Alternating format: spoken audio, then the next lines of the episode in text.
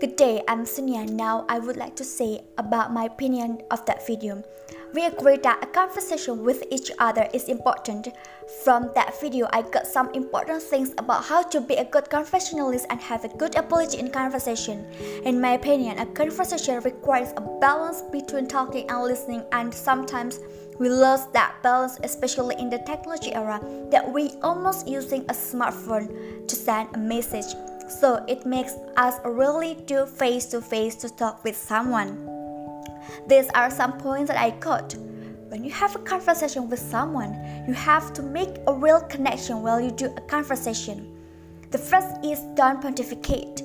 It means that when you do a conversation with someone, do not push them with a brilliant opinion, but make it with a true opinion from yourself because true listening requires a setting aside for yourself. Believe that because everybody is an expert in something. The second is if you don't know, say you don't know about it. Be careful to talk. Talk the fact because talk should not be a cheap. You cannot make a good conversation or build a warm relationship with yours when you start a conversation with a lie. So, not, so do not be a liar when you start to conversation with someone. Third, don't equate your experience with theirs. Yours is yours. You are not the same as someone else. Do not compare your experience with them, whether it's good or bad story in your life, because all the experiences are individual. So that's about my opinion.